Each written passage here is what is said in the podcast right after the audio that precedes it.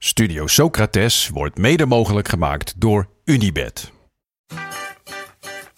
Há muito tempo você está no meu caminho. Como posso esquecer?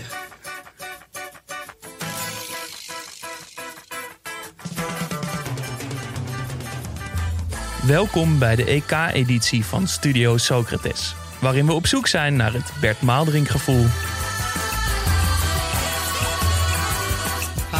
Beleza é você, menina. Menina, no seu jeito de olhar. Klokslag 7 uur in Salvador. Precies op het moment dat het in Nederland middernacht was, stond Louis van Gaal op. De laatste persconferentie voor Spanje-Nederland was voorbij. Zijn laatste woorden tegen de verzamelde journalisten waren... Wij zullen er alles aan gaan doen om eh, de verrassing van het toernooi te zijn. Daarvoor was Louis van Gaal weer een half uurtje echt Louis van Gaal.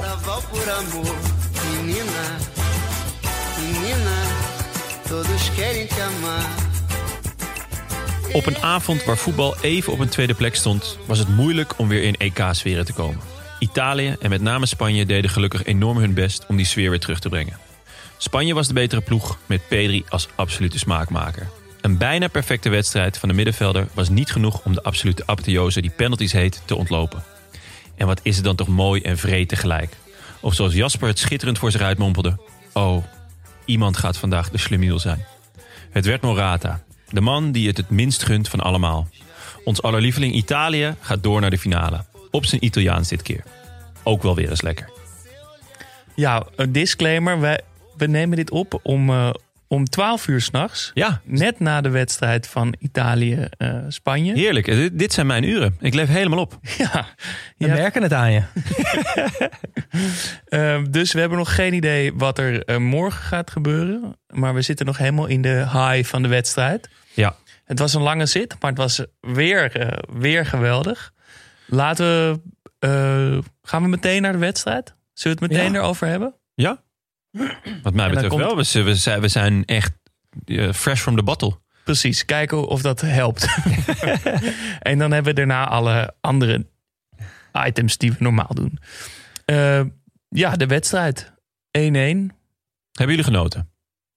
Ja, Ja. ik heb wel echt genoten. Ja, hè? Maar op een andere, of eigenlijk van een ander land dan ik verwacht had. ja, het was eh, Spanje sloeg de klok, hè? ja, Spanje was echt veel beter. En niet in fases van de wedstrijd, maar gewoon 90 of eigenlijk 120 minuten lang. Misschien met de uitzondering van de tweede verlenging.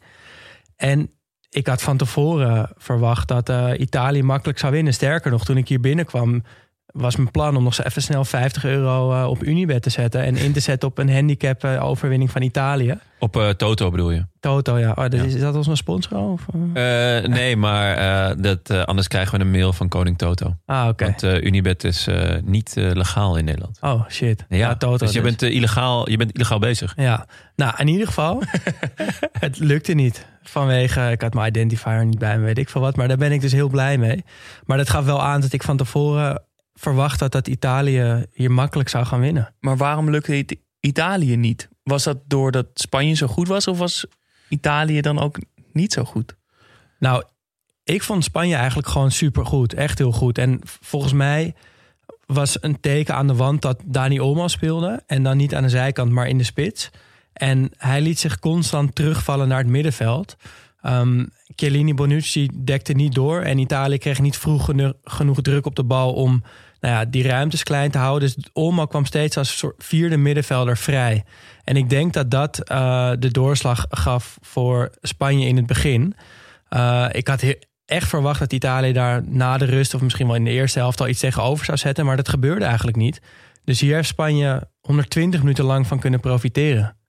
Ja, en dat, is, dat bracht ons ook op een, op een discussie tijdens de eerste helft. Want toen stond Berardi langs de kant klaar om gewisseld te worden in de, in de dertigste minuut of zo. En dat gebeurde toen niet, terwijl het overduidelijk was dat het niet liep. En toen was wat er dus laatst ook werd ingezonden bij ons... van waarom wordt er niet meer gebruik gemaakt van die vijf wissels? Want Ja, maak het het, nou uit, wissel hem nou gewoon Nou in ja, de dertigste minuut. het is een beetje een, een, het is een heel ouderwetse gentleman's agreement. Van eh, je wisselt niet voor voor de rust. In de rust is al best een, een statement.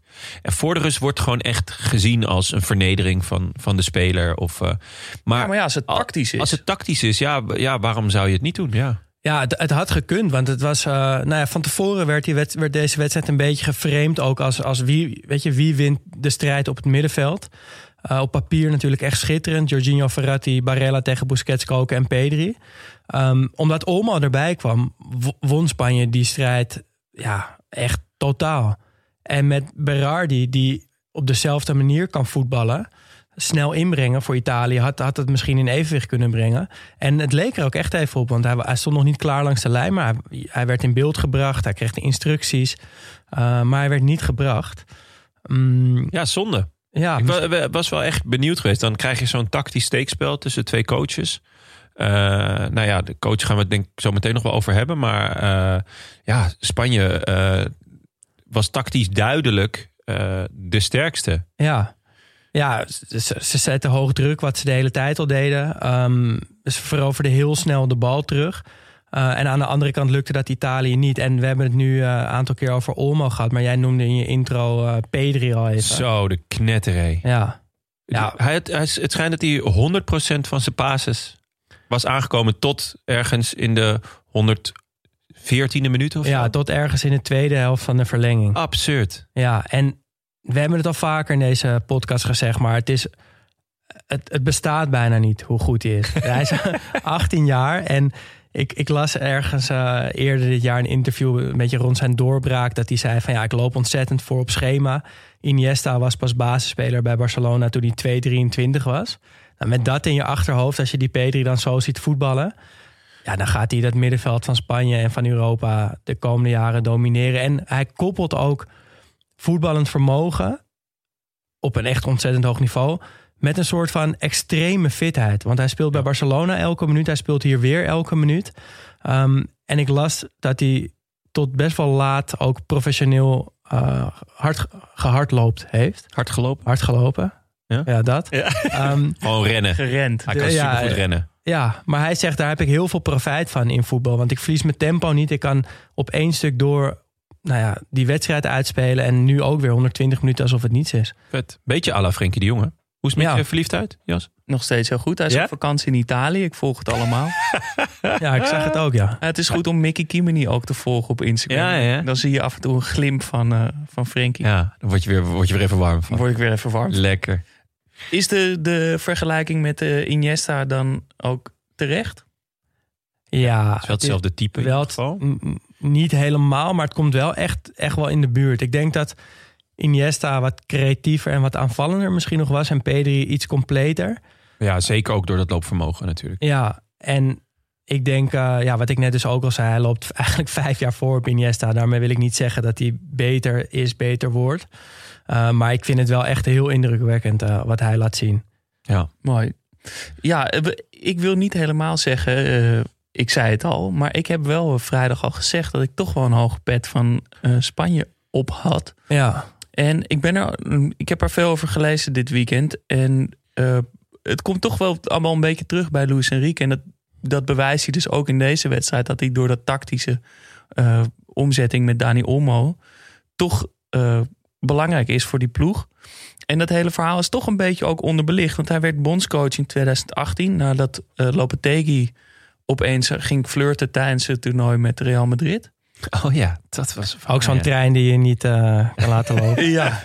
Ehm, maar toen, dus hij, in, in maart 2019 deed hij een stap terug nadat zijn dochtertje overleed. Dat eh, was natuurlijk verschrikkelijk. Ehm, zijn assistent Roberto Moreno, die werd bondscoach. Maar in november, dus een half jaar later, eh, werd Enrique weer bondscoach. En dat was eigenlijk helemaal niet verwacht. Iedereen dacht, nou die gaat pas na het EK waarschijnlijk weer eh, aan de slag.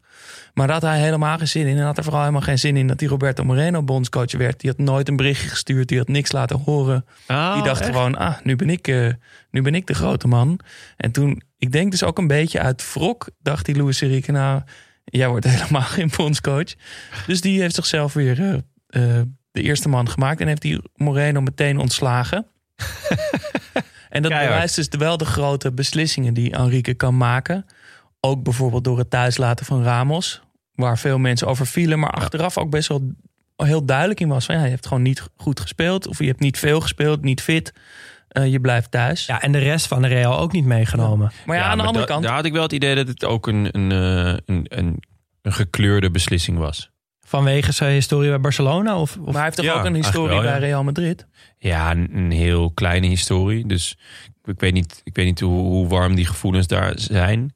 Maar iemand als Asensio had toch niet misstaan in deze selectie? Of ben ik gek? Zeker niet omdat hij er maar 24 meenam. Maar dat bewijst ook nog wel dat hij niet bang is om gewoon te zeggen... nee jongens, dit is het. En eh, ja, dat betekent een goede coach. Ja, en dat- Toch wel. Zeker. En dat hij dus ook een duidelijk beeld heeft gehad van tevoren van wat hij wilde.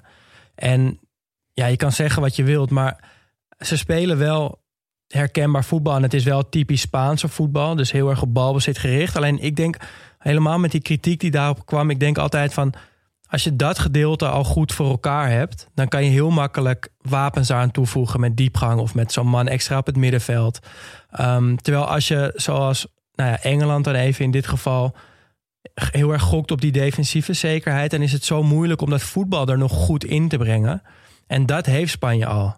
En dan nu zijn ze heel erg bezig met: oké, in deze wedstrijd heb ik Morata nodig. In die wedstrijd heb ik Olmo nodig, want die kan niet naar het middenveld zakken. Eh, dat voetbal, dat, dat tussen de linies spelen, dat tiki-taka, dat zit er zo goed in.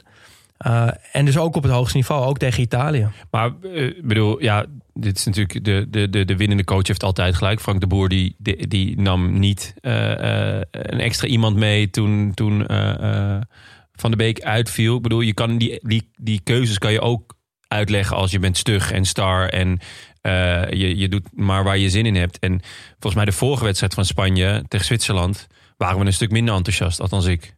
Ja, jij was heel negatief. Ik zat er een beetje tussenin. Omdat ik wel heel erg hou van het soort voetbal. Wat heel vaak als saai bestempeld wordt. Ehm, maar ja, na, na een wedstrijd als dit...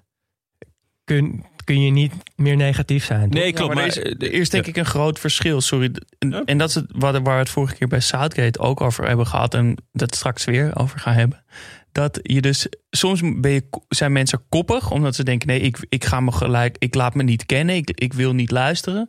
Maar sommige mensen doen, kiezen ergens voor met een reden en zijn juist wel geïnformeerd en luisteren ze juist wel en maken ze uit allerlei, allemaal verschillende soorten informatie hun eigen keuze. Ja, ik ben het daar wel echt mee eens. Want al helemaal als je het vergelijkt met, eh, met Frank de Boer... waar Marciano Fink aan het begin van het EK ook wat over zei... van hij spreekt zichzelf gewoon constant tegen. Met dat Malen gebeuren was het dus eigenlijk ook weer aan de hand. Want als je naar de cijfers van Malen keek... dan scoorde hij een heel groot percentage van zijn goals na de 60ste minuut. Ehm, en dat, dat heeft Enrique volgens mij helemaal niet. Ja, nee, ik eh, deed gewoon even advocaat van de duivel, boys. Ja, maar meer Ja, ja, van dat snap ik. een winnende coach heeft altijd Nee, gelijk. En, dan, en dan, dan kunnen je keuzes goed uitgelegd worden of slecht uitgelegd. Ehm, ik vind Spanje, net zoals Italië eigenlijk, eh, dit toernooi, eh, bij vlagen buitengewoon leuk voetbal spelen. Maar ook bij vlagen, ja, buitengewoon saai of Ja. matig Ja. of ronduit slecht voetbal spelen. Ik bedoel, die eerste twee wedstrijden, eh, heel Spanje is van de vaart heen gevallen, omdat hij zei, ze, zijn, ze spelen verschrikkelijk voetbal. En het was ook gewoon zo. Het was niet vermakelijk. Het had geen diepgang. Het had heel weinig creativiteit. Het- Daar heb ik Asensio wel gemist. Ja, Ik denk ook dat je op basis van deze wedstrijd had kunnen zeggen dat Spanje het had verdiend om door te gaan. Maar op basis van het EK, alle wedstrijden die we gezien hebben, absoluut Italië. Ja. Ja. Nee, maar ze, nog heel even hoor. Want ze, ze missen ook wel wat, Spanje. Want als je bijvoorbeeld vandaag dan naar de rol van Morata kijkt. Toch de, nou ja, eerste niet helemaal om het twist. Maar een van de spitsen die Spanje op moet stellen. Nou, vandaag Oyarzabal. Ja, nou daarvoor in zijn best goede spelers op zich. Maar ze missen daar wel echt nog wat. En dan over Morata zelf. Dat is toch wel, ja, jij mompelde het al. Toen bedoelde je nog niet Morata. Maar ja, is hij dan toch weer de slemiel geworden met die penalty? Ik denk na Ja. alles wat hij over zich heen heeft gekregen, dat mensen het hem niet meer kwalijk nemen. Oh, nou, ik denk dat er Ja? ook wel een hele groep het Ja, alsnog kwalijk gaat nemen. Nee, maar in ieder geval bij mezelf merk ik al dat ik, omdat ik weet dat hij zoveel over zich heen heeft gekregen en dat hij dus al niet lekker in zijn vel zit. Ja, Zijn kinderen werden bedreigd, even voor de Ja. eh, uitgescholden. eh, durft zijn telefoon niet meer te pakken. Nee, ja, tuurlijk. eh, Misschien is dat ook wel de reden dan. Nou goed, ja. dat hij hem expres heeft gemist. Nou ja. In your Fuck face, bitches.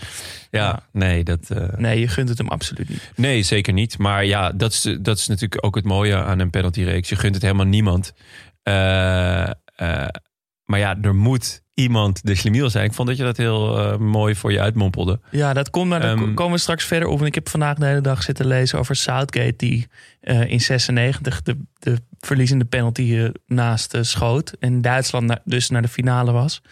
En eh, daar komen we straks verder op. Maar ik zat dus helemaal in dat verhaal van... Ja. dat, dat hij ook niet meer de deur uit durfde en eh, weet ik Ah, wat. Dus ja, ik zat ja. al, oh nee, er is straks weer zo iemand die de slimiel gaat zijn. Eh, dan nog één ding wat trouwens nog wel een interessant feitje was over Luis Enrique. Die had namelijk nog een persoonlijke rekening te vereffenen. WK 94 kreeg hij een elleboog van Tassotti, de rechtsback of linksback van Italië, in zijn gezicht. Brak zijn neus. Ehm, en eh, zat helemaal onder het bloed. Het, echt, het, het liep zo helemaal door zijn mond. Dus je ziet daar, er zijn mooie foto's en beelden van dat hij met een soort helemaal rode mond, eh bloed spugend naar de scheidsrechter toe rent en schreeuwt om een penalty. Want het is overduidelijk donkerrood voor die Tassotti. En een penalty bij een 2-1 stand voor, eh, voor Italië. Maar heeft daar nooit meer wraak op kunnen nemen. Heeft daarna nooit meer tegen Italië gespeeld. Eh Tassotti heeft trouwens ook nooit meer in Interland gespeeld. Ehm, eh, en had dus graag, graag weer daar, eh, Ah, daar wraak voor willen nemen. Er is ook zelfs... De, in Spanje zit een beroemd iets, de elleboog van Tassotti. Ja? Er is namelijk een, zelfs een album gekomen dat heet El Codazo, El Codazo de Tassotti. De elleboog van Tassotti Een van, de, een- van de band De Neuve. We kunnen een stukje luisteren. Ja, kom maar door.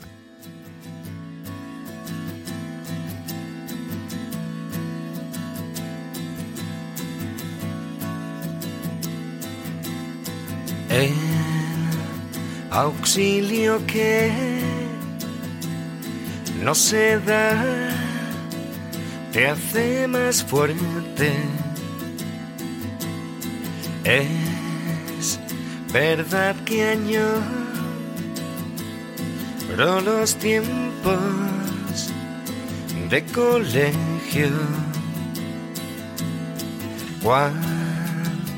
No temía despreciar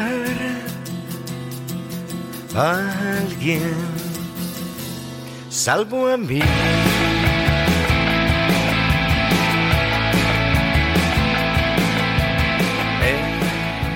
Dit nummer heet El Puente de Hierro. Maar ik weet niet of het de Hierro van Spanje is. Dat lijkt mij wel, toch? Zal wel, daarom heb ik deze uitgekozen. Schitterend.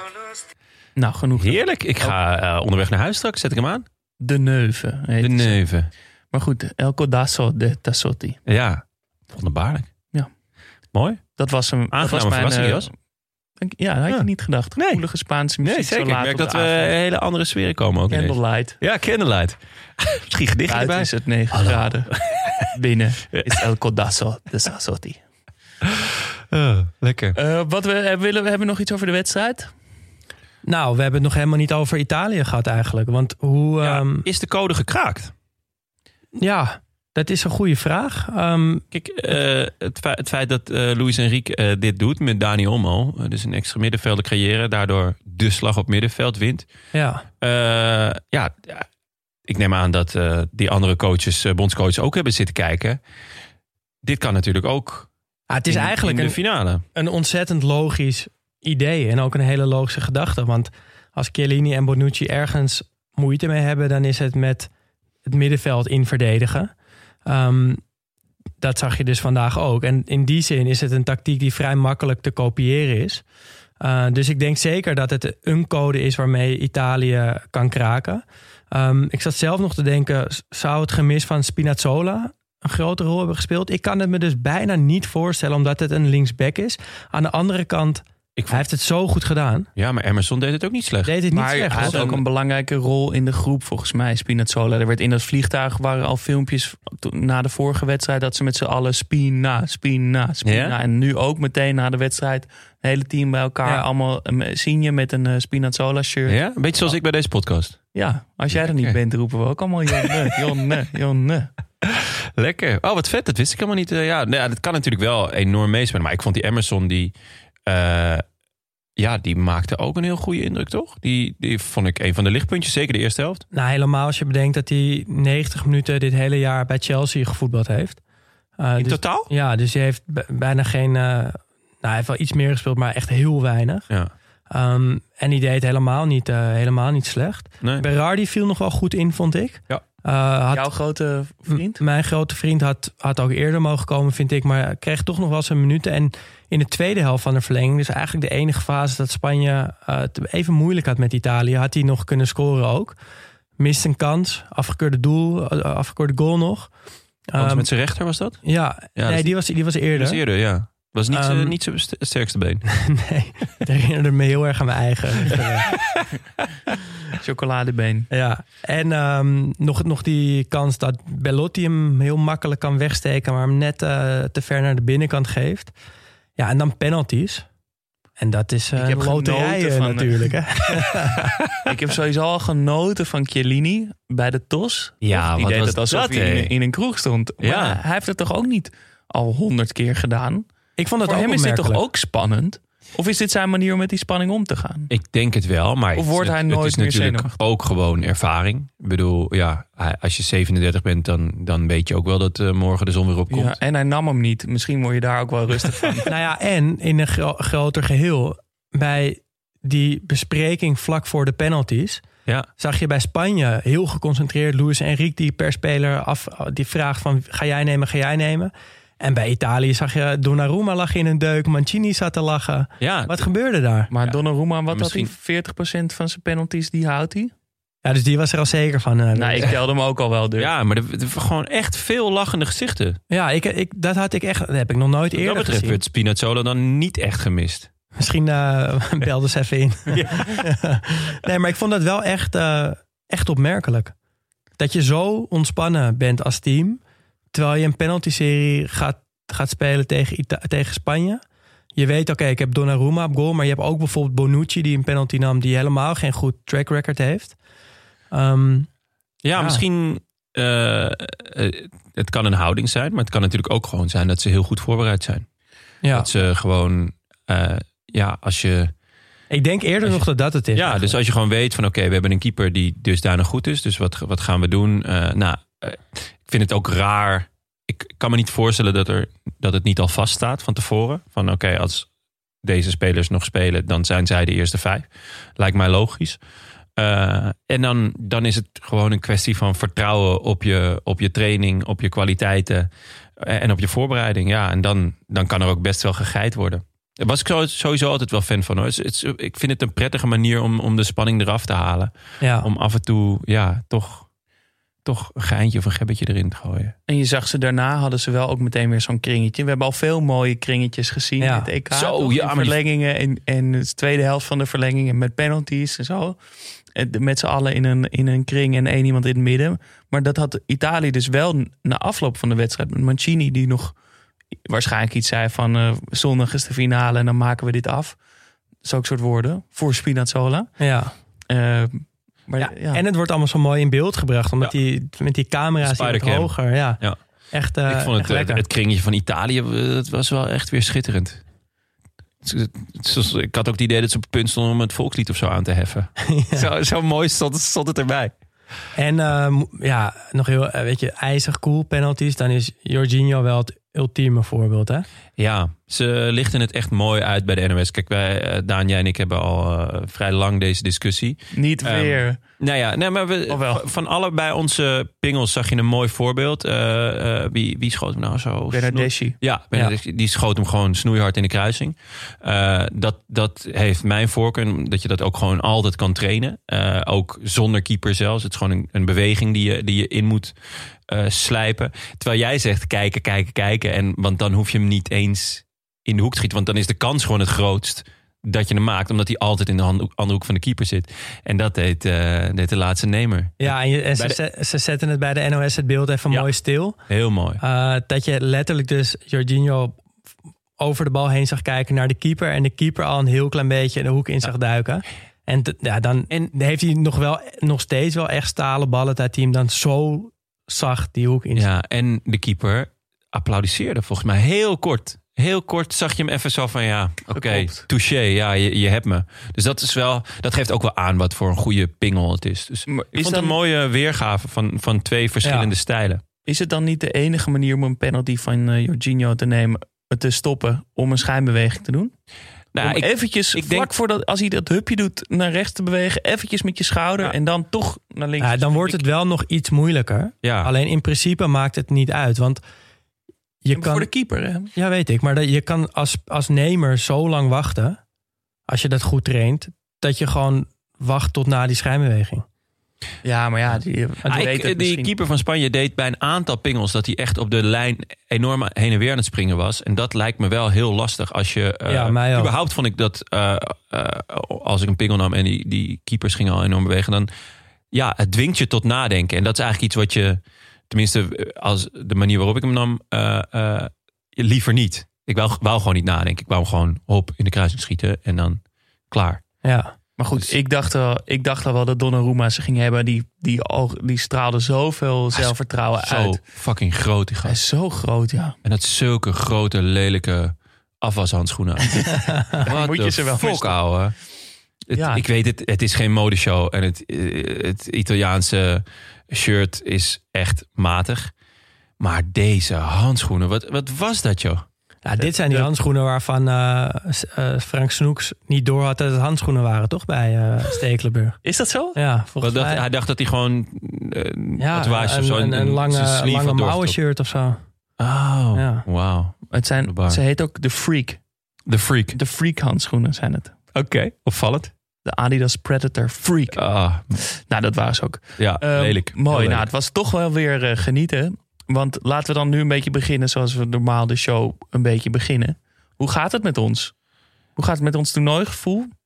Ja, eh, het was bij mij een beetje weg. Ehm, het toernooigevoel, de, dat komt door, die, door de rustdagen die erin zaten. Ehm, dat vond ik toch een beetje gek dat er op sommige eh, dagen dan eh, twee zijn. Twee wedstrijden en dan de andere dag weer niks. En dat doen ze natuurlijk zodat iedereen gelijke rust heeft naar een wedstrijd toe. Maar ja, toch, toch, toch een beetje raar of zo. Liever gewoon elke dag een Ja, wedstrijd. maar toen dus die eh, eh, bal opkwam met het autootje, toen was ik er weer helemaal bij. dat was echt heerlijk. Ja, het voelt gewoon En zo jullie? in disbalans dat je aan het begin van het toernooi Ja. drie wedstrijden op een dag hebt. En op een gegeven moment is die groepsfase afgelopen. En dan zijn er gewoon meer rustdagen dan speeldagen. Nog maar één of twee wedstrijden op een dag. Dus het is, die, die, die weegschaal Ja. Klopt Ja, gewoon volgens niet. mij Nee. van de 51 wedstrijden worden er 30 in de eerste twee weken Ja. gespeeld. Ja, dat is gewoon heel raar. Ja. Nou ja, dat ja. Ja. Ehm, Hoe is het bij jullie? Nou goed, ik heb juist echt wel echt ontzettend genoten van het EK. Ik zit er zo in. Ik ben zo. Ik heb met die vorige wedstrijden, met die kwartfinales, heb ik echt op het puntje van mijn stoel gezeten en, en af en toe gegild. Eh, ja, ik wilde gewoon niet dat het stopte. Ik wilde, gewoon, ik wilde dat elke wedstrijd verlenging werd. Ik had er zoveel zin in. Ja, daar kom je wel in je trekken. Want het zijn veel verlengingen. En Heel ook veel verlengingen. penalty-series Ja, inmiddels. volgens mij nu van de knockout wedstrijd iets van vijf van de twaalf. Zo- Zo'n soort eh, eh, statistiek zijn, eh, zijn verlenging. En jij Daan, want eh, je bent geschorst voor de finale. ja, Dat, is, eh, dat is jammer. ja, ik eh, ga van jullie geld op vakantie. Heb je echt dat met het vrienden van de show? Nee, gedaan? nee, nee, nee. heerlijk. Dat Nee, zou ik wel echt classic vinden. Nee, maar ik ga dus wel op vakantie. Ik, ik vertrek donderdagavond. Dus de finale die eh, kijk ik eh, ergens in Frankrijk. Ik had mijn vriendin nog wel zo ver gekregen dat mocht Nederland de finale halen en misschien winnen, dat we dan later weg zouden gaan. Dan was ik wel gelukkig hier geweest met Ja. al die mooie huldigingen. Maar nu eh, gaan we gewoon lekker die kant op en dan gaan we op een mooi dorpspleintje in Frankrijk die finale kijken. Was wel een Slechte safe, wifi. safe bet hoor van je vriendin. Ja, ja, ja. Ik, dit kon ze heel makkelijk toezeggen. Ja, dat Die klopt. wist ook wel dat Frank de Boer coach. ja, dat, dat weet ze nog net wel daarover. Ja. Nee, maar ik, eh, ja, de finale uitzending zal dus eh, zonder mij zijn. Of misschien word ik wel ingebeld. Ik weet niet wat Ja, voor een, eh, ja, we, jullie in huis hebben. Maar, We gaan, ehm, eh, we gaan er wat leuks op bedenken. nee, maar het gaat, eh, het toernooigevoel ja, gaat goed. Nog steeds eigenlijk. Ik zat er vanaf, eh, nou niet vanaf moment één lekker in. Maar ik zit er al een hele tijd lekker in. Met een beetje een dieselen. Ja, net als P3. Eh, dan de Bert Maalderink momentjes. Die gaan we vandaag een beetje door de show heen eh, weven. Dus die komt af en toe, hoor je een van ons zeggen... nou, dit is mijn Bert Maalderink momentje. Daarmee bedoelen we dus alle mooie randzaken... kleine interviews, reportages, momentjes. Het klappen van de keeper van, eh, van Spanje. Dat soort dingen. Alles wat voetbal mooi maakt. Van kleine dingetjes iets moois maken. Eh, zoals Bert Maaldrink dat altijd deed. Ja, hij zit bij Denemarken. hè? Ja, Dus dat is alvast een heerlijk eh, Bert Maalderink momentje gewoon aan zich. ja. En misschien ook meteen al gewoon het Bert Maaldrink feitje van deze week. Dat hij bij Denemarken zit. Ja. En niet dat hij vernoemd is naar Bert van Bert en Ernie. dat is wel een gerucht dat ik graag de wereld in zou willen helpen. Maar eh, nee, ja, hij. eh, dus dat is extra leuk. We moeten gewoon, we kunnen gewoon lekker de NOS in de gaten houden. En dan hopen we dat er nog een paar besloten trainingen zijn. En dat zou me ook niet verbazen bij Denemarken. Want die hebben dus, daar hadden we het vorige keer over, over Michieland. Die, ehm, eh, en, en dus over de, ook over de, de standaard situatie van Italië. Ehm, dat, eh, dat heeft eh, Denemarken dus ook. Ik las een interview met ehm, Tim Sparf. Sparf? Ex-Groningen. Ja, die ken ik nog Ook ex-Michieland. en die speelde dus met Finland tegen Denemarken. En die kreeg op een gegeven moment de standaard situatie tegen. En toen dacht hij van, hè? Dit, dit herken ik. Dit, volgens mij weet ik ongeveer wat er nu gaat gebeuren. En hij, dat, dat, en toen, want hij had bij Micheland, Micheland is natuurlijk echt ver meegekomen met die standaard situaties. En eh, toen ehm, keek hij dus na afloop, na afloop van die wedstrijd. En toen zag hij dus eh, dat zijn oude eh standaard situatie coach, Mats Butkereit, daar ook rondliep. Maar Denemarken had dat dus geheim gehouden. Ah. Want ze wilden zich, dat vind ik best vet, die wilden Ja. zich dus niet in de kaart laten kijken. Geheime standaard situaties van een geheime standaard situatie trainer. Ja, en dat je dan wordt ontmaskerd door Tim Sparf is best wel balen natuurlijk. Maar ja, hier ligt natuurlijk wel een rol voor Bert. Die gaat hier echt van smullen. Ja, die zet u die telelens. Dit is gewoon op zoek naar Boetkeruit. ja. Die, dus, gaat, eh, die gaat hier Het induiken. boekje ja. van ja. Eh, we hebben nieuwe vrienden van de show. Ah, Laten lekker. we die allereerst ook, eh, of nou niet allereerst, allertweetst. eh, vooral heel erg bedanken. Michiel Ameel, Wouterino en Robert, Robert de Pino de Sousa Schreuders. Robert de Pino de Souza, de Souza Schreuders. Ja, aan elkaar geschreven. Ja, Eh dankjewel dat jullie vriend van de show zijn geworden. superleuk. Daan, Daan gaat er een heerlijke vakantie van. eh ja. Ehm, het is de tweede al, hè? Tweede vakantie. ja, Ja, krijgt hij nou een groter ah, percentage omdat hij hoger gevoetbald heeft? Ja, ja, ja, sorry. Het spijt me. Eh, maar in ieder geval heel erg bedankt daarvoor. Eh, word ook vriend van de show op vriendvandeshow.nl slash Studio Socrates. Zijn we heel blij mee. Yes. Gaan we dan nu over eh, Engeland-Denemarken hebben? ja. Of hebben we eerst nog... Heb jij, wilde je eerst een klein Bert Maalderink momentje delen? Nou, wat ik wel leuk vind is dat ik weet niet of dat komt door deze specifieke wedstrijd, eh, Spanje-Italië en alle momenten die daarin zijn voorgevallen. Maar we hebben heel veel last minute Bert Maalderink momentjes gehad. En één daarvan was van Luc Jansen, ehm, die ons wees op de uitstraling van Rodri, die nog als een van de weinige voetballers met zijn shirt in zijn broek speelt. En dat broekje ook best wel hoog opgetrokken heeft. En dat was me inderdaad wel eens opgevallen, maar ik had even niet. Ja, ik schatte het denk ik niet genoeg op waarde. Want nu hij, hij stuurde een foto erbij. En we hebben het natuurlijk net ook even gezien, want hij viel in. En het is inderdaad echt eh, genieten. Ja? Ja, dus dat vond ik een heel mooi eh, Bert Maalderink eh, momentje. Eh, we kregen ook dat moment door van eh Chiellini en Jordi Alba... wat we net al even besproken hebben bij die TOS. En zo waren er nog wat eh, luisteraars die last minute nog wat instuurden. Wat leuk. Ja, er waren veel, ik, voor mijn gevoel waren er ook veel kleine, mooie, sprekende momentjes in de wedstrijd. Ja. Ja, het begon natuurlijk al met het autootje. Ja, En, eh, en, een- en een nieuwe bal. ja. Ik, zat, ik dacht, ligt, worden mijn ogen nou echt per week slechter? Want ik zat, die bal is een beetje grijs, een beetje zilver. Maar dat was dus gewoon, ze hebben dus een nieuwe bal ingevlogen. Ja, ja ze, hij is Ja, ge- volgens mij- ingereden. ingereden, ja.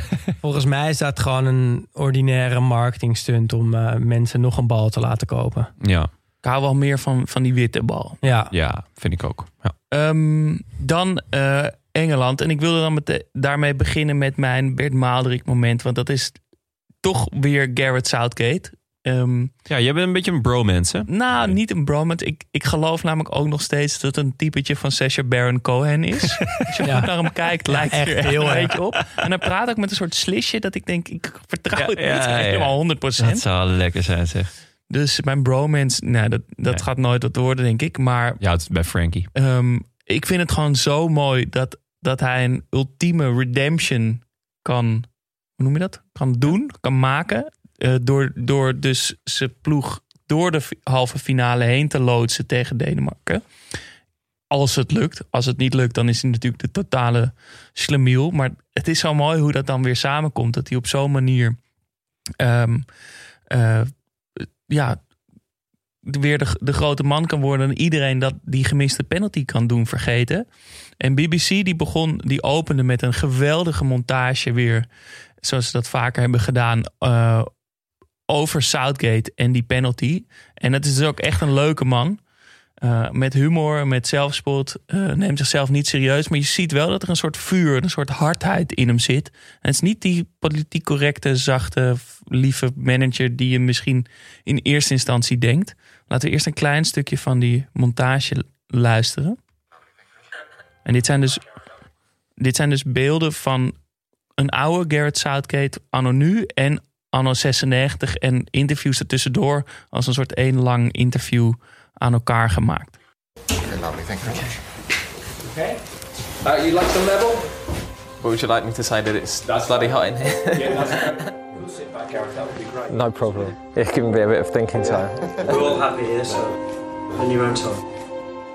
Since I was a young kid, the only thing I wanted to do was play football for England. I would expect any player that pulls on an England shirt to give everything. Football is never easy. We've got to be prepared to dig in and, and show the pride of playing for England. There's nobody standing in front of us applying pressure. Pressure is the noise that surrounds you and whether you choose to allow that noise to affect you. Have you erased those memories? I have, but uh, nobody else has. Games from 40, 50 years ago don't mean anything, so I haven't discussed that with them at all. It's part of my life. It's something I still wouldn't change because I think it made me a stronger person.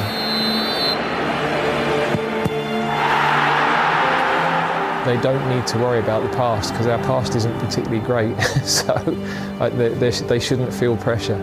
It would be fabulous to put that behind me in some way by doing something positive. Schitterend. Vet. Ja, Heel leuk vet. hè? Ja. Hoe, dat, hoe hij daarmee omgaat. Als ze zeggen, have you been able to erase those memories? Dat hij zegt, I have, but you don't seem to.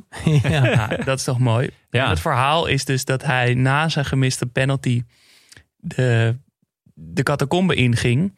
En zijn beste vriend ehm, ook de catacombe inging. Want ik dacht, ik moet die, die, dacht, ik moet die Southgate moet ik opvangen. Maar ja, die kon niet bedenken wat hij tegen Southgate moest zeggen. Toch? Wat zeg je op zo'n moment als de hele wereld in elkaar stort en het hele land de groot, dat je de grootste vijand bent geworden? Dus die stond in die tunnel te wachten. En te denken, ja, wat ga ik zeggen? Wat ga ik zeggen? En hij ziet Southgate op hem aflopen. En net voordat hij iets lulligs wil zeggen van... eh, ja, komt wel weer goed of zo... kwam Liam Gallagher uit het niets voor hem opgedoken. De frontman van Oasis. Dat is sowieso al opvallend. En die pakte Southgate vast. Nou, hij is natuurlijk een beetje een bad boy. Dus je, je zou verwachten dat hij misschien iets heel naars zou zeggen. Maar hij zei... Don't for fucking worry about it. Because at least you had the bollocks to go up and take it. And those other fuckers, they didn't want to fucking know. Perfecte woorden op Dat dat, wil je horen op dat moment. Ja. Dat wil je horen. De perfecte woorden. Die vriend, die dacht ik, huh? Liam Gallagher? Hoe zit het nou? Ehm, maar het, ja, het hielp enigszins. Het hielp Southgate enigszins. Maar de haat die hij over zich heen heeft gekregen was verschrikkelijk. Ehm, zat thuis, durfde niet naar buiten, zag alleen zijn familie. eh, werd overal uitgescholden als hij naar buiten ging. Kreeg heel veel haatberichten. Gewoon nog brieven toen der tijd. Maar Maar dat, Oasis... vind ik wel weer, dat vind ik wel weer wat extra show hebben. Oasis had net de drie maanden op nummer 1 gestaan met het nummer Don't Look Back in Anger. en Southgate zat dus alleen thuis. Eh, Ik kan het me helemaal voorstellen dat hij die eh, de hele dag op heeft. En de hele dag, ja. Don't Look Back in Oh, Anger op repeat. En dat heeft hem Ja. dus heel erg geholpen. Terwijl hij al die brieven opende. Ja, en er zat dus ook een brief bij van iemand uit de gevangenis... die Southgate de schuld gaf van zijn gevangenschap... omdat hij na die verloren wedstrijd was gaan rellen... en was opgepakt en. En die gaf Southgate daar de schuld van. En toen had Southgate ook wel gezegd... Ja, dat, ik wil voor veel mijn verantwoordelijkheid nemen... maar niet hiervoor. Tot hier en niet verder. Klein stukje Don't Look Back in Anger... om even in de sfeer te komen. Doe van maar even lekker. Tuurlijk.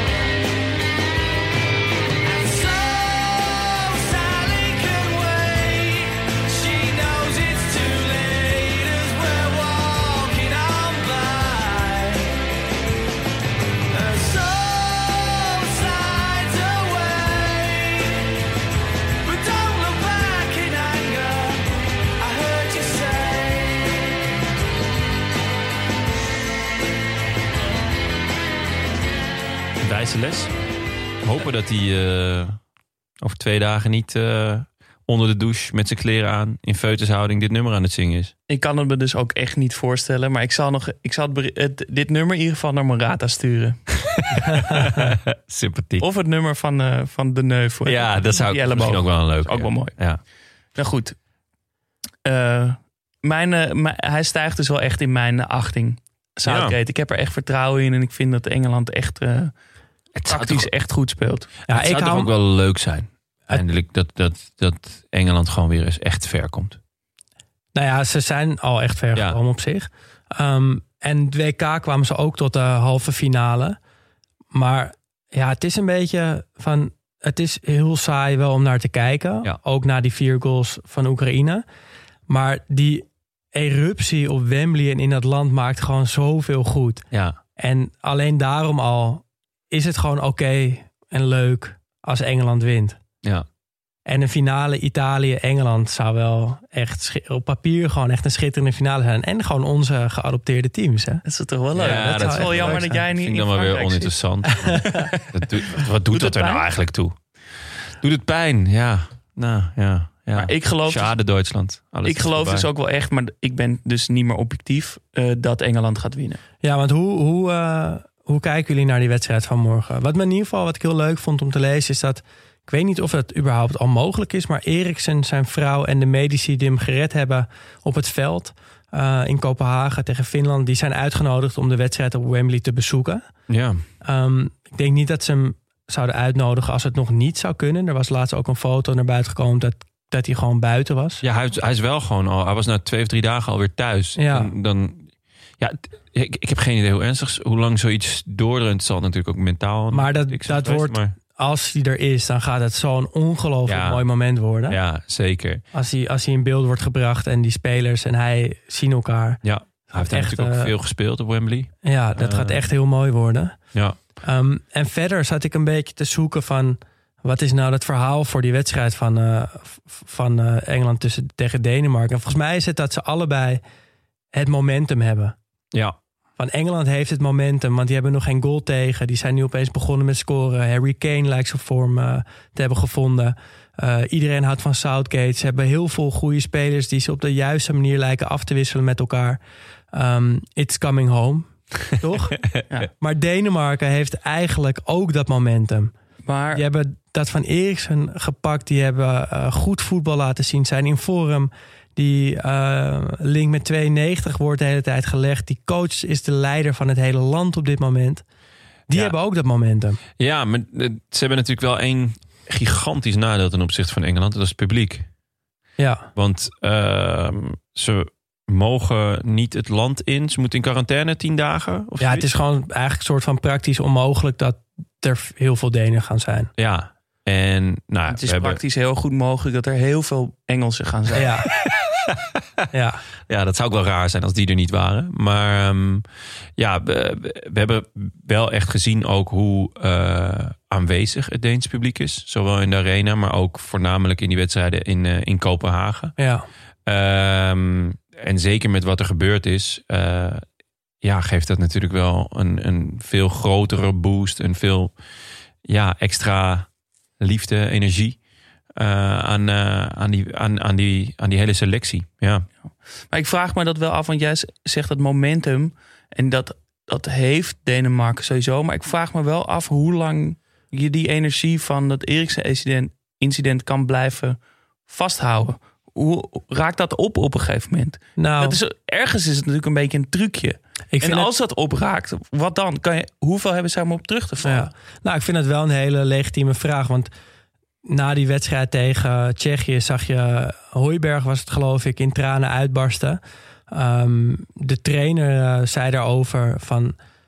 Volgens mij, het klinkt een beetje gek... maar volgens mij onderschatten jullie een beetje... waar wij mee bezig zijn... en wat er nog steeds... eh, voor nasleep is met, met Christian Eriksen. Die jongens hebben hun hele leven lang met hem gevoetbald, hebben dat op het veld zien gebeuren. Uh, dat heeft zoveel impact gemaakt. Dat is niet opeens weg nu hij weer oké is, nu hij weer gezond is. En ik merk het ook aan mezelf dat ik het heel erg praat naar een soort van iets goeds toe, waar Denemarken inderdaad energie uit kan putten. Maar misschien is dat inderdaad wel gewoon een keer op.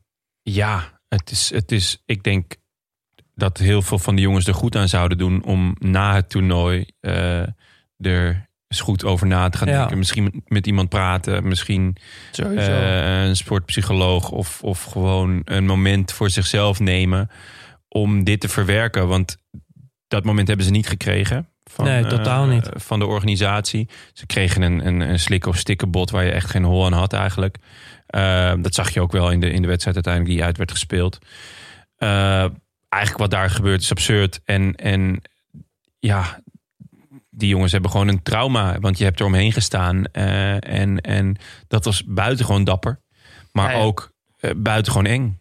Ja, je Toch? hebt inderdaad dikke kans dat zodra ze eruit gaan of winnen of, of juist eh, niet, dat ze helemaal in elkaar storten, toch? Dat ze, he- dat ze er maar dat- een klein hoopje verdriet van overblijft. Ja, dat is voor iedereen anders natuurlijk. Maar dat, dat, het, dat het zijn sporen nalaat lijkt me logisch. Ja, maar daarom, ik, ze, ze gebruiken die energie nu zo goed. En ik wil absoluut niet bagatelliseren wat er is gebeurd met Eriksen. Maar ik kan me voorstellen dat je, om jezelf nog een keer en nog een keer op te laden. Ja. En jong, we doen het voor Eriksen en we gaan Ja. ervoor. En het land gaat erachter. Dat, bedoel, het werkt natuurlijk ook goed, maar misschien op Wembley en de, de- is die sfeer toch anders. Er zijn veel Britten. Ja, Die hebben echt momentum nu, want die worden steeds beter.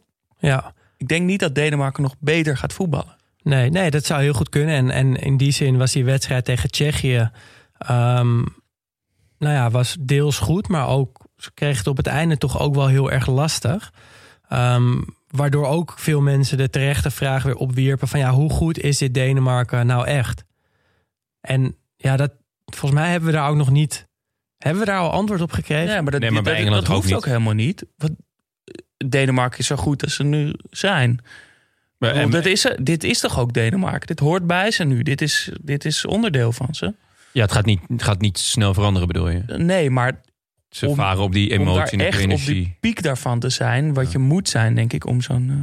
eh, Ja, moeilijk. ja, toch? Ja, hoe goed is, is Denemarken zonder Eriksen? Ja, Nee, maar het is meer van, je kijkt tegen Engeland wordt gewoon een, die gaan ook tegen Denemarken gewoon eh, achteruit eh, leunen.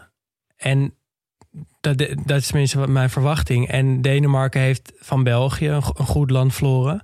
Eh, heeft voor de rest geen grote voetballanden eh, getroffen. Dus daarom vroeg ik me een beetje af van ja, ze spelen, ze vermaken ons, maar zijn ze nou echt goed? Ik, ik, eh, ik hou van ze. Ik, ik hoop dat, het, dat ze gaan schitteren, maar dat vraag ik me wel een beetje af. Ehm, ja, Dolberg bijvoorbeeld in de spits. Dat is eigenlijk in die zin een soort van personificatie van Denemarken. Want hoe goed is Dolberg nou? Ja. Dat is toch eigenlijk de eeuwige vraag. ja, hij is echt fucking goed. Maar maar doet ook dus- niet zo heel goed. soms is hij ook weer niet zo heel goed. Ja, ik hoop sowieso op, sorry, op, de, op, eh, op van die eh tafereelen als WK 2002... toen Zuid-Korea zo ver kwam en eruit ging tegen Turkije... dat ze met z'n allen hand in hand het publiek gingen bedanken, toch? Stel dat Engeland wint, dan hoop ik wel dat dat gebeurt. Ja, Ja. Dat ze nog een soort helder afscheid krijgen. ja. En, en, en Engeland dan? Want hoe, hoe, eh, ja, hoe gaat dat? ik vind daar is toch eigenlijk hetzelfde voor. Van hoe goed zijn ze nou eigenlijk? Nou, ik Ehm, denk dus echt best wel goed. Ja, omdat jij tot aan je elleboog erin zit bij eh, Southgate. Maar ehm, het is best negatief voetbal. Ik vind wel, wat je zegt, is, hij, is hij, hij past details aan. Hij heeft duidelijk een plan. Dus tactisch steekt het allemaal wel goed in elkaar. Ehm, Ze wonnen 4-0, hè? Even in de ja, oké, maar van wie? Van Oekraïne. Ja, Nou ja, maar ja, hoe Daar defensief is dat als je, van als je gewonnen, 4-0 hè? wint? Nou, dat was, ik, dat was, ik vond het toch wel, toch wel vrij defensief nog steeds. Want die 1-0 is een hele mooie goal. Ehm, daarna zijn het nog twee standaard situaties en wel nog een mooie goal. Maar zelfs met een 4-0 voorsprong staan ze met 10 man op eigen helft te verdedigen. En inderdaad, ze hoeven dan niet meer. Dat, dat snap ik allemaal wel. Alleen de insteek van Engeland is echt, en, het, en daar doen ze ook niet moeilijk over. Dat is al- overal bekend, is gewoon hoe gaan wij de nul houden? En daar heeft Southgate een fantastische tactiek tot nu toe omheen gebouwd. Uh, met een aantal posities die gewoon helemaal zeker zijn. En dan voorin roleert hij een beetje. Wat ik trouwens heel opmerkelijk vind. Voor mijn gevoel gebeurde dat vroeger echt minder in, in toernooien. Dat, dat, eh, Never change a winning team. ja, nu heeft hij gewoon Foden heeft al op een van die aanvallende posities gespeeld. Saka natuurlijk. eh, Rashford is daar, heeft er een paar keer gespeeld als invaller. Sancho Stond er ineens in. deed goed tegen Oekraïne. Dus ik ben heel benieuwd wie die eh, daar gaat opstellen tegen Denemarken. Maar ook dat lijkt te werken. Het enige wat ik nog steeds wel heb is als zij er nu in de halve finale uitvliegen, ehm, dan hebben ze dus en niet goed gevoetbald en zijn ze uiteindelijk toch ook niet echt ver gekomen. En Dus, dus dat is wel het risico van de tactiek van, van Southgate. Dat als je er dan nu uitvliegt, dat je eigenlijk een soort van weer niks hebt. Ja. Maar ja, we gaan het zien. Er zijn ook een aantal spelers die wel een soort van boven zichzelf uitsteken. Nou, je ik zag het, denk Kane ook- scoorde vorige wedstrijd. En nu meteen met dat vertrouwen, derde minuut, boem. Ja. Ah, ik denk ook wel dat een risico van deze tactiek is dat, dat als je zo eh, ontzettend op die nul zit, dat stel je krijgt hem een keer tegen, wat dan? Wat ga je dan doen? Ja, maar dan hebben ze dus een bank waar, waar ja, je om gewoon... je vingers bij af te likken. Ja. Maar dat betekent wel dat je volledig uit je comfortzone gaat voetballen. ja, dat Overigens, eh, de enige keer dat er een team kampioen werd in een toernooi zonder tegendoelpunten... was Ivoorkust in de Afrika Cup in 1992. Hey, wat Dus het kan wel. is. Het kan gewoon.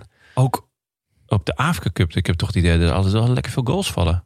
Dan kan je nagaan hoe, hoe knap het is. Ja, heel vet. Ze Leuk, werden ook leuke kampioen. stat. Ja, nou, nou, nee.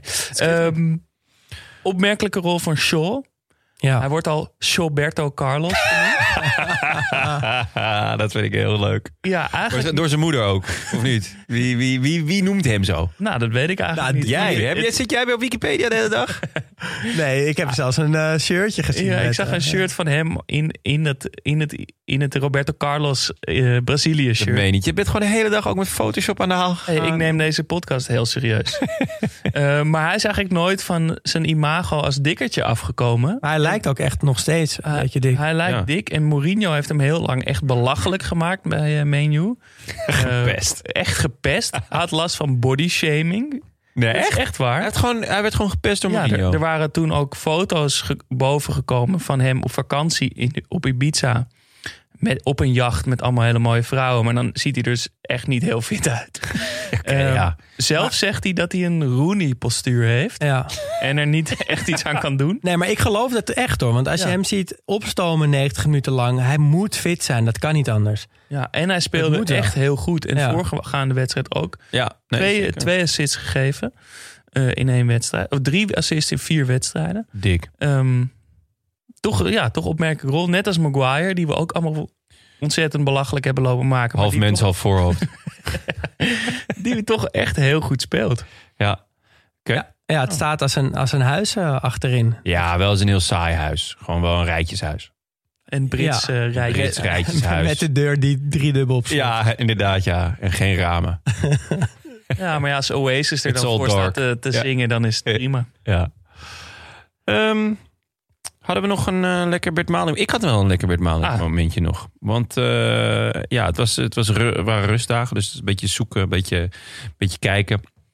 En eh, nou, jullie kennen allemaal mijn, mijn voorliefde voor Jihad de Mos. Ja. En dit keer kwam hij niet vanuit de plaatselijke bakker, viskraam of kringloopwinkel. Maar hij was denk ik op Ibiza. Dat was mijn vermoeden wel, ja. Ja, gok ik. En daar stond hij gewoon. Hij was daar niet alleen. Hij was er zeker niet alleen. Hij stond daar gewoon naast de goddelijke dikkerd. Ja. De echte Ronaldo. En toen ging hij dus een speech houden eerst over Ronaldo in het Nederlands. Dat ik ook dacht, ja, dit is voor niemand leuk. Hij Eh, zei zijn naam nog verkeerd. Ja, hij zei zijn naam nog verkeerd. En toen, Ja, hij zei Nazareth. Ja, terwijl hij Nazario natuurlijk heet. en toen ehm, ging hij eh, daarna wel in een soort van Engels, denk ik. Begon hij tegen Ronaldo. Kunnen we luisteren? Oeh, ja, we kunnen er wel even naar luisteren. Ja, hier sta ik natuurlijk met een eh, ontdekking. Toen hij 17 jaar was bij Cruzeiro. Eh, Messi grote speler, Ronaldo grote speler, Maradona. Maar qua talent, eh, de grootste op aarde ooit. Tot nu toe in het voetbal is eh Nazareth de Lima. Ronaldo. Dank u wel, mister. Dank u wel. Graag gedaan. jongen. What uh, about the European Championship? What are your opinions for the final? Uh, well, there is a big match ton- tonight. Yes. I'm uh, between Spain and Italy. I love both countries. Okay. Italian is always strong when they get in the finals, but uh, who's going to win? Do you think? Uh, Spain is, is playing very, very well. They score like uh, 12, 13 goals in five matches, and I think uh, who's winning? Totally. Is Spain. Spain. Oh, I take Italy. Okay. Aad. Ja. eh, Nee, ja, we die kunnen hebben elkaar natuurlijk zeggen, gewoon met elkaar gespeeld bij PSV. hè? Of Misschien was hij zijn trainer of zo. Dat Ja. zou kunnen. Wat me trouwens opviel... bij tijd. Wat zeg je? was, was het niet... Ik weet niet of het die tijd was hoor, maar ik kan me voorstellen dat ze elkaar kennen uit die tijd. Wat me trouwens Ja. opviel is dat ik had bij Ronaldo op een of andere manier gewoon een zijdezachte fluwelen stem verwacht. Maar hij heeft Ja. best wel een zware stem met een, met een bas. eh, erin. Ja, ook een beetje die... Allah, een beetje... Ja, gewoon een beetje... Was gewoon niet, soms heb je dat. dat je Misschien was hij nee. Sowieso, eh, ik zag eh, volgens mij ook al eh, Pogba. Of, nee, die was met Ronaldinho. Nou, Slatan. Slatan was met, Oh ja, Zlatan eh, was met met Ronaldo, Ronaldo. op, eh, op de foto. Ja, dus hij had een soort audiëntie op Ibiza. Ja, heel vet. Die, Allemaal- die nodigt gewoon mensen uit van ja, kom maar, mag je even bij mij op schoot zitten of zo. En dan, eh, In ruil voor een post. ja, maar hij flikt het wel gewoon hoor, eh Aatje afkoopsom. ja, ik, ja ik, nou, ik denk dat ze elkaar wel kennen. Ja, moet haast wel toch? Ja. Aad kent iedereen. Ehm, Nieten. Ik had nog iets over eh, Denemarken. Want er was veel ophef over die corner van Denemarken... waar de eerste goal uitviel. Ja, Eh, Team Kuipers. dat het eh, geen corner was. En nou heb ik wel een theorie over onverdiende corners. Sowieso lucky corners die, die een beetje stom worden weggegeven... Of, of die dus onterecht een corner zijn... die zijn volgens mij altijd gevaarlijk. Of in ieder geval, als er gescoord wordt uit een corner... is het volgens mij bijna altijd uit een onverdiende corner. Ik ben heel benieuwd of deze statistiek is bijgehouden. Misschien kunnen we op Sport even, even ik kon het mailen. niet vinden. Maar is onverdiend onterecht? Ja, een onterechte corner. Ja, of dat dan denk ik beetje- dat dit echt in jouw hoofd uh, Nou, ik heb het idee dat dat altijd gevaarlijk is. Maar in ieder geval, nou, jullie delen dit dus niet. Nee, nee. Ik, nee. eh, het, het zou me niet verbazen. Dit eh, heeft meer onderzoek nodig. Ik ga erin die duiken. af kunnen studeren. Maar achteraf bleek het dus helemaal geen onverdiende corner te zijn. Dus mijn theorie is meteen natuurlijk ook het drama. was, het, was het geen onverdiende corner? Nee, het heeft zijn hand toucheerde die. Ja? dat is dus ook iets wat Team Kuipers heeft gezien. Ja. Ja, natuurlijk. Want Maar eh, had Team Kuipers dan niet voor Hens moeten fluiten? Nee. aangeschoten. ja, weet, weet ik niet, maar het is in ieder geval dat je dat kan zien. Het zou Ja. een beetje lucky zijn geweest, maar als je dus lucky bent als scheidsrechter, dan moet je gewoon de finale fluiten. Ja, Dus maar... ik ben helemaal eh, een soort hashtag announce eh, Team Kuipers voor de Nou, finale. dat gaat ook gewoon gebeuren natuurlijk. En dan het is wel knap hoor. Dan heeft Makkeli de openingswedstrijd gehad. Ik weet nog dat ik... En de halve finale krijgt maar. En de halve finale, ja, morgen. Of vandaag als jullie dit luisteren. En ik weet nog dat ik had gezegd na de openingswedstrijd van Makkeli... Ja, dan zal Kuipers wel niet de finale krijgen. Want dat gaan ze nooit aan twee Nederlanders geven. De openingswedstrijd en de finale. Nou, dat gaat dus nu wel gebeuren. Ik vind dat is, toch het, wel, is het al wel zeker dat Team Kuipers... eh, Nee, maar er zijn zo'n grote concurrent, die Turkse scheidsrechter, die, die is al naar huis gestuurd. Oh, echt? Ehm, dus het kan bijna niet anders dan dat Kuipers het wordt. Ja. Dus ja, die gaat het gewoon worden. En dan eh, ga ik vanuit eh, een Franse dorpspleintje er lekker naar kijken. Team Kuipers, Ah, hè? Ja. Ehm, mooi, nou dat is, zijn onze voorspellingen voor, voor vanavond dan. Ja. Als je dit luistert. Eh, wat nog leuke randzaken waren, was dat Henri als bondscoach of assistent bondscoach van België 100% van zijn salaris wat hij van de Rode Duivels heeft gekregen aan een goed doel heeft gegeven. 100%. Dat is toch wel. Grote klasse. Ja, Ja. Echt grote klasse. echt heel vet. Eh, ik weet niet welk goed doel. Het stond alleen charity, maar toch mooi. Ja. Ik hoop aan, eh, aan iets, iets Belgisch. Gewoon, eh, dat ze gewoon wel normale, mooie huizen die op elkaar aansluiten kunnen bouwen. Of zo- zoiets. Vind ik een mooi De wegen. Misschien dat, dat, hij, Ah, dat hij gewoon goede wegen heeft laten aanleggen in, eh, in België. Dat ik heb me ooit laten vertellen, maar ik weet niet of het waar is. Dat als je België inrijdt, dat eerste stuk snelweg, dat heeft heel veel lantaarnpalen. Daar staat echt om de 10 meter staat er een, een, een lantaarnpaal. Ja? Die, die snelweg is heel verlicht. Het schijnt dat het een vriendje van de, van de opdrachtgever in de lantaarnpalen zat. En dus gewoon twee keer zoveel lantaarnpalen heeft Oh, verkocht. heel vet. Nou ja. Dat is een leuk feit. Ah, ik, ik zal dit even checken, want ik rijd dus donderdagavond eh, België in. Ja. Overnacht in Luik een nachtje. Oh, mooi. Tenminste, eh, om en nabij. Maar dan zal ik, eh, zal ik dit eens even checken. Leuk. ben benieuwd. Eh dankjewel jongens. Ja. Moeten we nog niet over het Nederlands elftal hebben? Oh ja, wil je nog kort iets over het Nederlands elftal zeggen? Nou ja, niemand wil. niemand wil gewoon coach worden van de Nederlands elftal. Dus ja, het is nu gewoon... Nou, kijk, er is nog niemand gepresenteerd. Dat is denk ik wat anders. Ik denk, denk je niet dat Louis het gewoon gaat doen? Maar hij stak wel eh, hard van wal tegen, bij die oranje vrouwen over dat het allemaal verwende Ja, maar dat zijn. Dan gewoon zijn toch- eerste data als bondscoach, denk ik. ja, de boel alvast op scherp zetten. Ik denk dat we echt moeten, dat we moeten hopen dat, eh, dat de vrolijke koster nog, eh, nog vrij is volgend, volgend, eh, volgende winter. Adrie Koster? Adrie de vrolijke koster, ja. Gewoon 4-3-3. En gewoon genieten maar. Nou, vind het leuk. Ja? Ja. Voor. Dankjewel jongens. Eh, ja, wij, wij eh, zijn eh, terug bij, na de finale, denk ik. Hè? Ja, een tête-à-tête? Of eh, heb je nog een leuke konijn uit de hoge hoed? Daar gaan we eens even over nadenken. Over. Zou leuk Ehm, zijn. maar dat is, eh, zal aanstaande maandag zijn. Vrijdag eh, slaan we over, want ja, er is niet zoveel te melden tegen die tijd. Daan, jij een hele fijne vakantie. Dankjewel. Ja. U luisterde naar Studio Socrates, gepresenteerd door Daan Sutorius, Jonne Seriese en mezelf, Jasper Gottlieb. Vond je het leuk? Abonneer je dan en laat een 5 sterren review achter, zodat we makkelijker te vinden zijn. Maar, belangrijker nog, wil je net als Henri een echt goed doel steunen? Maak dan ook 100% van je salaris aan ons over. Of 2,50 per maand. Dat mag natuurlijk ook. Ga naar vriendvandeshow.nl slash Studio Socrates en word vriend voor een schamel bedrag van 30 euro per jaar of elk ander bedrag naar keuze. Hier kan je ook terecht voor vragen, verbeteringen en spraakberichten. Liever via Insta? Dat kan ook. Slide in onze DM via studio-socrates, waar we ook de foto's, filmpjes en linkjes uit de aflevering delen.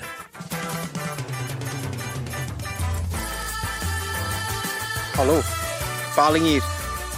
In jullie vorige aflevering vertelt jullie studiogast over zijn ambitie om een comedy show te maken over een voetbalteam gebaseerd op The Office.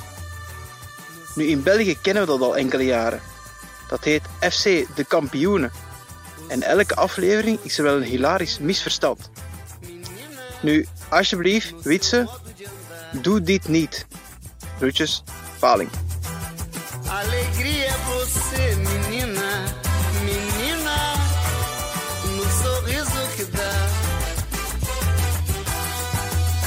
Vendaval por amor, menina, menina, todos querem te amar. Ei, vento, vento, vento no mar, te segura no balanço pro vento não te levar. Ei, vento, vento, vento no mar. Te segura no balanço pro vento não te levar.